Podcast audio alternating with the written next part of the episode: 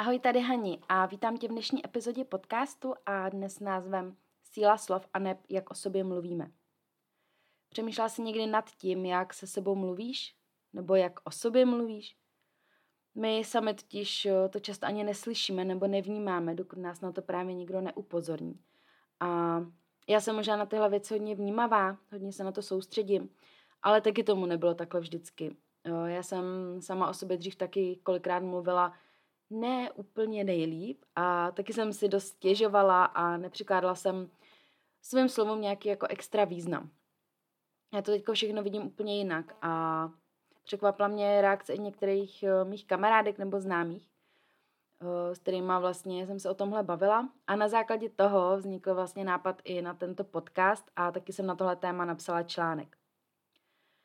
Uh, naše slova tvoří náš svět a většina lidí nad tím kolikrát ani nepřemýšlí, nad tím, jak mluví, jaký používají slova a ani je to nenapadne, že by to nějakým způsobem mohlo ovlivňovat jejich život. A zejména ta část, kdy právě mluvíme o sobě. Dost často možná si zřekla nebo si o někom, od někoho slyšela, jak o sobě řekne, já jsem ale kráva, tohle jsem zase podělala, ach jo, pane bože, já jsem tak neschopná, jsem, jsem ošklivá, jsem tlustá a tak dále dosaď si tam cokoliv a upřímně z těchto slov mi docela mrazí. A taky jsem přemýšlela nad tím a zkusím nad tím taky teď zamyslet, eh, jestli je vůbec možné se dopracovat k tomu, aby to bylo nějak jinak. Jestli je možné to změnit a jestli to není třeba zbytečnost. Já si myslím, že se k tomu dopracovat určitě dá, že to je možné změnit a rozhodně to za mě není zbytečnost. Než ti předám nějaké svoje typy, co mi funguje nebo jak začít, tak eh, se pojďme podívat na to, jak nás ty slova ovlivňují. Takže jak mluvíš sama se sebou? Určitě jeden z těch prvních bodů je, jak se vlastně cítíme. Jaký na sebe máme my sami názor, jaký máme sebevědomí. Protože když si budeš každý den dokola pořád stále opakovat, že jsi k ničemu, tak tvůj mozek tomu časem uvěří a ty se opravdu začneš chovat a jednak jako by si byla k ničemu. Pokud budeš neustále používat nadávky a negativní slova a budeš k sobě všechno negativní přitahovat, uvidíš všechno černě. A já si myslím, že to určitě nechceš. Proto právě posloucháš tenhle podcast. A pokud o sebe právě přesně takhle přemýšlíš, tak začni používat jiný slova.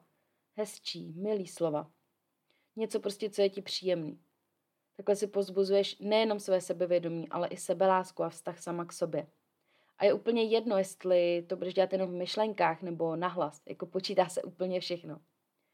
A já ti rozhodně neříkám, aby si teď hlídala každý své slovo a každou myšlenku. To si myslím, že možná ani nejde, myšlenek za celý den máme jako spoustu. A nejde mít všechno pořád pod kontrolou. Spíš ti těm ale chci říct, aby si ty slova nepodceňovala a podívala se na svůj život i trochu z jiného úhlu pohledu. Schválně, zkus si říct tyhle dvě otázky. Kdy jsem se za něco naposled pochválila? Kdy jsem o sobě mluvila vážně hezky? Už jenom tím, že to máš v té hlavě, že o tom teďko víš, už tím dokážeš opravdu něco změnit. Další ten bod je, jak mluvíš s ostatníma. Protože naše slova můžou jednak někoho podpořit, motivo, motivovat, povzbudit, pohladit ho po duši. Ale stejně tak můžou naše slova velmi ranit. Takže než příště řekneš někomu zase nějakou kritiku, zkus se nejdřív zastavit, zamyslet se a řekni si, pomohu mu tím nějak? Nebo jak tím pomůžu sama sobě? A až potom, až potom odpověz. Chce to trénink a určitě to nejde přes noc. Já sama se občas přistihnu, jak mi to ujede, nebo když se naštvu, tak říkám věci, které třeba nemyslím vážně. Ale jsme pro boha jenom lidi. A určitě není třeba hned nějakých výčitek a zklamání ze sebe sama. To se prostě stává. Je ale tady důležité to uvědomění a to, že tohle nebudeme dělat pořád a že právě, jak jsem říkala, se to dá změnit. Každý den, každou minutu v našich myšlenkách. Naopak, pojďme zkusit na tom teď zapracovat a více na to soustředit. A jak se změnil můj přístup? Právě tím, když vidím, jaký jsem udělal pokrok já sama, tak uh, už mi to jde postupně tak nějak samo, uh, aniž bych nad tím nějak extra musela přemýšlet. Vnímám sebe, vnímám své myšlenky, své slova, to, co říkám. A jaký to má vlastně význam. A je to samozřejmě soubor komplexních věcí, asi jako je to se vším. Nicméně tady jsou nějaké moje základní doporučení, pojďme si to říct v nějakých čtyřech bodech. Za prvé, snaž se soustředit na to, co říkáš. A nemusíš to dělat non-stop, jak už jsem říkala, ale když se přistihneš, že si řekla něco, co se ti úplně nelíbilo, zkus se zamyslet nad tím, jak to můžeš příště říct jinak. A to ať už ve vztahu sama k sobě nebo ve vztahu k ostatním. Za druhé, nepodceňuj sílu slova. To už jsem taky popsala. A jak vidíš, tak slova skutečně mají opravdu velkou moc. Mohou pomoci i uškodit. Taky se nepodceňuj a neplýtvej těma slovama na nějaký nevyžádaný rady. Pokud chce člověk něco vědět, určitě se tě na to sám zeptá. A ty se soustředit především na to, jak mluvíš sama k sobě. A vnímej to, vnímej, jak ti to ovlivňuje. Za třetí, drobné úpravy.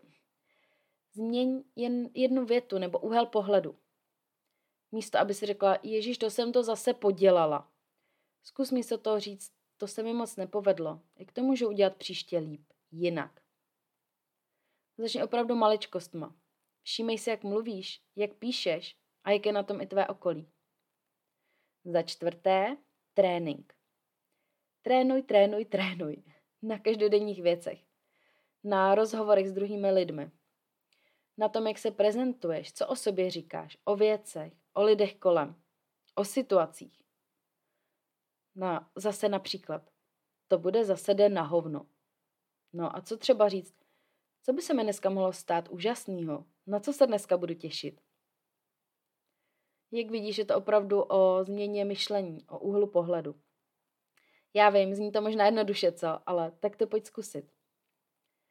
Já si myslím, že třeba jak jsem to sepsal v tom článku, tak když to člověk čte, tak je to možná i patrnější, než když prostě běžně mluvíš. Ale já ti dám takový úkol. Zkus se teď pár dnů soustředit na dvě slova. Na slovo strašně a hrozně. A nahradit je nějakýma víc pozitivníma slovama a nějakýma, které jsou pro tebe víc příjemnější. Zkus se všímat, zda se to trochu změní. Přece jenom, představ si situaci, kdy někomu řekneš, to by to strašně sluší. Tak jak mu to může slušet strašně? Tím vlastně popíráme, že to tomu člověku sluší. Já vím, možná trošku filozofie, ale zkusme, zkusme další příklad. Jsi hrozně krásná. Tak jsem teda hrozná, nebo jsem krásná? Může se ti to možná zdát jako maličkost, ale věř mi, že to dělá opravdu hodně. Protože celý náš život a náš svět je tvořen z malých detailů. Z věcí, které prostě děláme každý, každý jeden den. Jsou to drobné věci, které tvoří ten náš život. Představ si to klidně jako pucle. Máš tam tolik malých dílků, ale když je složíš dohromady, vytvoří jeden krásný obraz, jeden celek.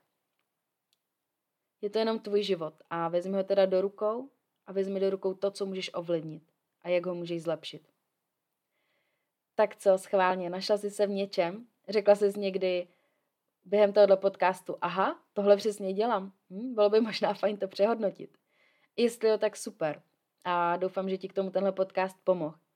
A ráda si klidně přečtu nějaký tvůj názor, určitě mě můžeš kontaktovat, a ať už ve zprávě, třeba na Instagramu nebo na e-mailu. Určitě se ozvi, pokud bys ráda i něco dodala.